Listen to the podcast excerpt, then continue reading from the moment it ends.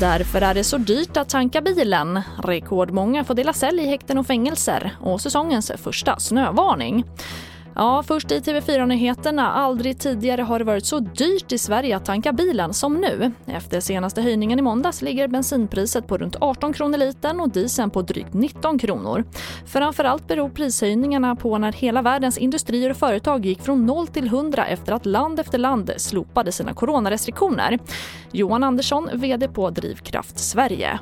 Ja, efterfrågan gick ur eh, botten helt och hållet på marknaden i, eh, i världen nu. och eh, vi såg råoljepriser som eh, droppade ända ner till 30 dollar per fat och eh, nu ser vi råoljepriser på 84 dollar per fat istället.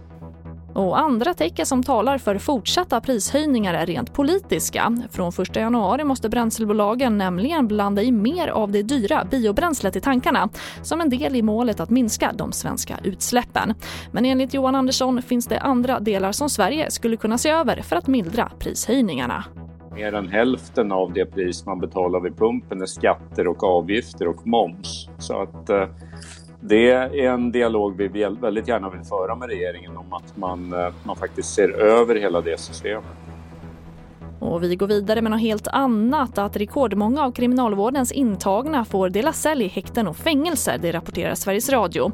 Platsbristen gör att uppemot 1600 personer delar cell. En förklaring till trängseln är höjda straff för bland annat vapenbrott. Och myndighetens generaldirektör Martin Holmgren bedömer att platsbristen kommer att fortsätta flera år. Och vi avslutar med att säsongens första snövarning utfärdades i morse och gäller Norrbottens läns inland, främst de västra delarna. SMHI varnar för att snö kan börja falla imorgon bitti och att det kan falla 2-5 cm blöt snö. Och det får avrunda den här sändningen. Fler nyheter hittar du alltid i vår app TV4 Nyheterna. Jag heter Charlotte Hemgren.